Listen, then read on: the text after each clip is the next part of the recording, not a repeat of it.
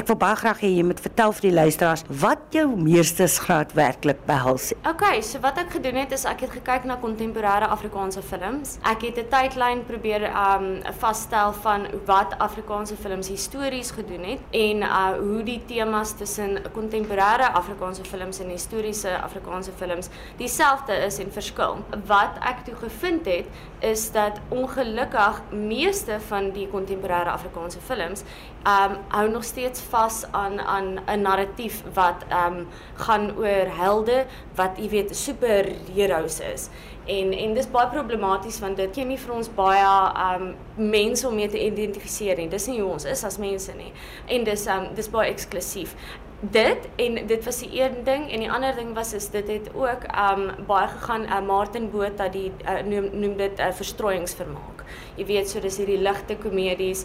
Um ons wil nie kyk na ons identiteit as Afrikaners in Suid-Afrika vandag nie. Toe wat ek gedoen het is ek het toe gekyk en gesien wat is anders. Watter films is nou nie so nie.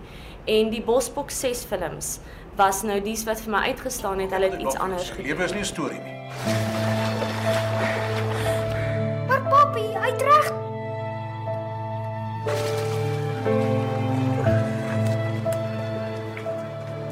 Ek glo jou die miskien. Roepmanne maak mense wakker om te gaan werk. Ons roepman se naam is Johan. As roepmanne nie hulle werk doen nie, sal die hele Suid-Afrikaanse spoorweë en hawens gaan staan sê maar. Ek wil jy moet graag vir ons meer vertel oor die Bosbok 6 films. Dis nou nogal vir my interessant. Ja, ehm um, so die drie films wat ek na gekyk het was Roepman, Stuur groete aan Mannetjies Roo en Verraaiers. En wat hulle in gemeen gehad het is ehm um, dit, dit dit dit het alles dis dit gaan oor geskiedenis. Uh dis historiese dramas. So dit gaan oor hoe ons reflekteer as Afrikaners op ons geskiedenis. En dit was wat vir my mooi was en hulle het dit ook so gedoen dat dit nie um nostalgies is nie. Hulle het nie 'n illusie gemaak hoe ons ons geskiedenis hanteer nie. So ek het 'n 'n Duitse filmtegniek um probeer vind in die Bosbok 6 films en dit was nou 'n post-heroic narrative of wat sou mens nou sê in Afrikaans 'n na-helde narratief seker. Um dit klink nog glad nie vir my reg nie, maar um die idee is is dis dis um die helde figuur is nie die super soldaat nie. Dis iets wat meer inklusief is. Dis iets wat dis 'n dis 'n persoon wat foute maak en um dit gee ook vir ons meer opsies om um mee te kan identifiseer. Sou jy dan dus met regisseurs kon gesels nou as aktrise en vir hulle kan vertel dit wat jy gevind het en miskien oplossings kan vind? Sjoe, wel dit sal natuurlik die droom wees. Um ek dink regtig dat ons as Suid-Afrikaners moet 'n manier vind om films te maak wat um so 'n bietjie meer inklusief kan wees en wat um 'n 'n tipe van 'n 'n gesprek kan fasiliteer sodat ons kan gesels oor wie ons is as mense en ons vorentoe kan gaan. Ja, daar is 'n paar elemente wat ek geïdentifiseer het en veral te doen met die narratief en hoe die held spesifiek dan gemaak word. Ek ek dink Suid-Afrikaanse films is nou in 'n plek waar ons vorentoe kan gaan, jy weet, daai conversation kan hê. Mm, ja. Dink jy jy sou agter die skerms kon werk of wou werk? Uh, Juis omdat ja. jy hierdie navorsing gedoen het. Ja, definitief. Ehm um, ek was uh, baie bevoorreg geweest om vir Via TV 'n uh, 'n dokumentêre ehm um, series te maak, 'n realiteitsseries, ehm um, Swart Skaap en en die doel van Swart Skaap was juis om ander perspektiewe te wys van mense wat gemarginaliseer is in in ons samelewing. Jy weet, ehm um, sekswerkers, dwelmverslaafdes en so. En ek dink ons het ons kyk gereeld na mense wat wat nie inpas by die samelewing as jy nou so sou sê. Jy weet, jy jy wil nie ons ken nie alle kant nie. So, ehm um, ja, ek dink swartskap was juist dit gewees is om te kyk na na ander gemeenskappe wat ehm um, nie inpas by ons boksie. Rulebreakers. Troublemakers.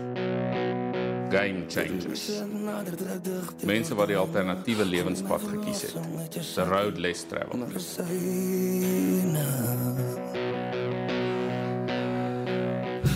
Uh want ek is eintlik 'n rekenmeester. Ek voel glad nie skaam dat ek dit doen nie. Yeah, it's a trophy and they do love their dogs. They, they, kind of love, you see. en net hulle stories ook te vertel. Ja. Hoekom het dit jou so geïnteresseer om daar te gaan krap? Die die posisie was my aangebied, so natuurlik gryp jy dit, maar um ek het baie lank deur my swattings ook um karakters gespeel wat sekswerkers is of human trafficking victims en so. En um ek dink dit interesseer my regtig baie want uh, as 'n aktrise moet jy ook so 'n bietjie grou. So jy kyk na gedeeltes van jouself en dan vir die rol maak jy dit net so 'n bietjie groter. So jy speel altyd jouself en en ek dink daar is iets um ek het relate aan aan die stories en aan die karakters. So dis was dit ook vir my lekker om dan met die regte mense te praat. Jy weet en en so met hulle ook hulle stories te kan vertel. Wat lê voor in jou toekoms? Wat wil jy nog aanpak? Sjoe, Heidi, ek weet nie dit dis dis 'n moeilike vraag om te antwoord, um, want ek voel asof dinge maar eintlik maar net met my gebeur het. Ja. so, jy weet wat moet gebeur, gaan net maar gebeur. Ek geniet dit vreeslik baie om te speel, veral verhoog. Um ek geniet dit om op die verhoog te speel. Ek dink daar's iets, weet dis anders as televisie en film en so waar as iets verkeerd gaan kan jy dit oordoen. Hier moet jy op jou voete dink en so. So um ek hoop om nog so 'n bietjie rolle aan te pak veral op die verhoog. Maar ons sal kyk wat gebeur. Um maar ek sien baie uit vir die toekoms, ja. Watter fliek sou jy wou hê ons moet maak? Het jy jou kop al rondom dit gekry? Afrikaans spesifiek.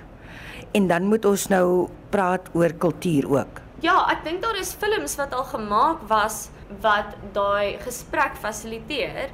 Ek dink dit is belangrik om 'n 'n multicultural film te maak waar rasse ingesluit is, maar ook wat die verskille wys, want ehm um, ek voel baie keer asof mense ehm um, hierdie kumbaya prentjie het en goeders probeer forceer, maar terselfdertyd um is mense nie jy kan nie jy kan nie kultureel vir mense verwag om nie na die geskiedenis te kyk nie. So vir ja. my gaan dit oor 'n historiese drama wat regtig ons probleme konfronteer.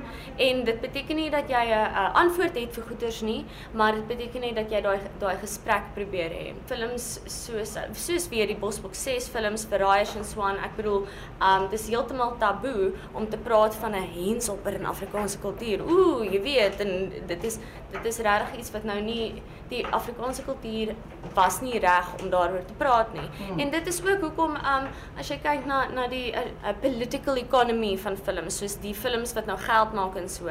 Dit is absoluut die die snaakse lekker pretfilms en dan die swaarder dramas sukkel so bietjie.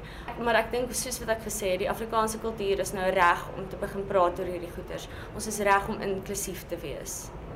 So daar's hoop. Sjoe, ek weet nie, daar is definitief daar moet hoop wees, so daar's altyd hoop. Nee, Heidi, daar's hoop. Um die filmkultuur dink ek in Suid-Afrika is nou besig om die tipe films wat gemaak word. Ek bedoel daar's Pop and Game en al daai ander films. Daar is daar's nuwe films wat regtig besig is om daai gesprek te hê oor wie is ons as Afrikaners en hoe kan ons um voortgaan en en inklusief wees. Ja sonder om verskonings te maak vir ons verlede. Ja, ja, ja. Kyk, um jy's gebore in Suid-Afrika in waar Afrikaners obviously baie gewig dra in in um die geskiedenis. Die, jy het een van twee keuses of jy gaan um dit konfronteer of jy gaan net maak asof dit nie bestaan nie en jy jy het niks daarmee te doen nie. En ek sê kom ons konfronteer dit. Wat beteken dit om 'n Afrikaner te wees in Suid-Afrika vandag? Kom ons konfronteer dit en ons gesels daaroor. Get him!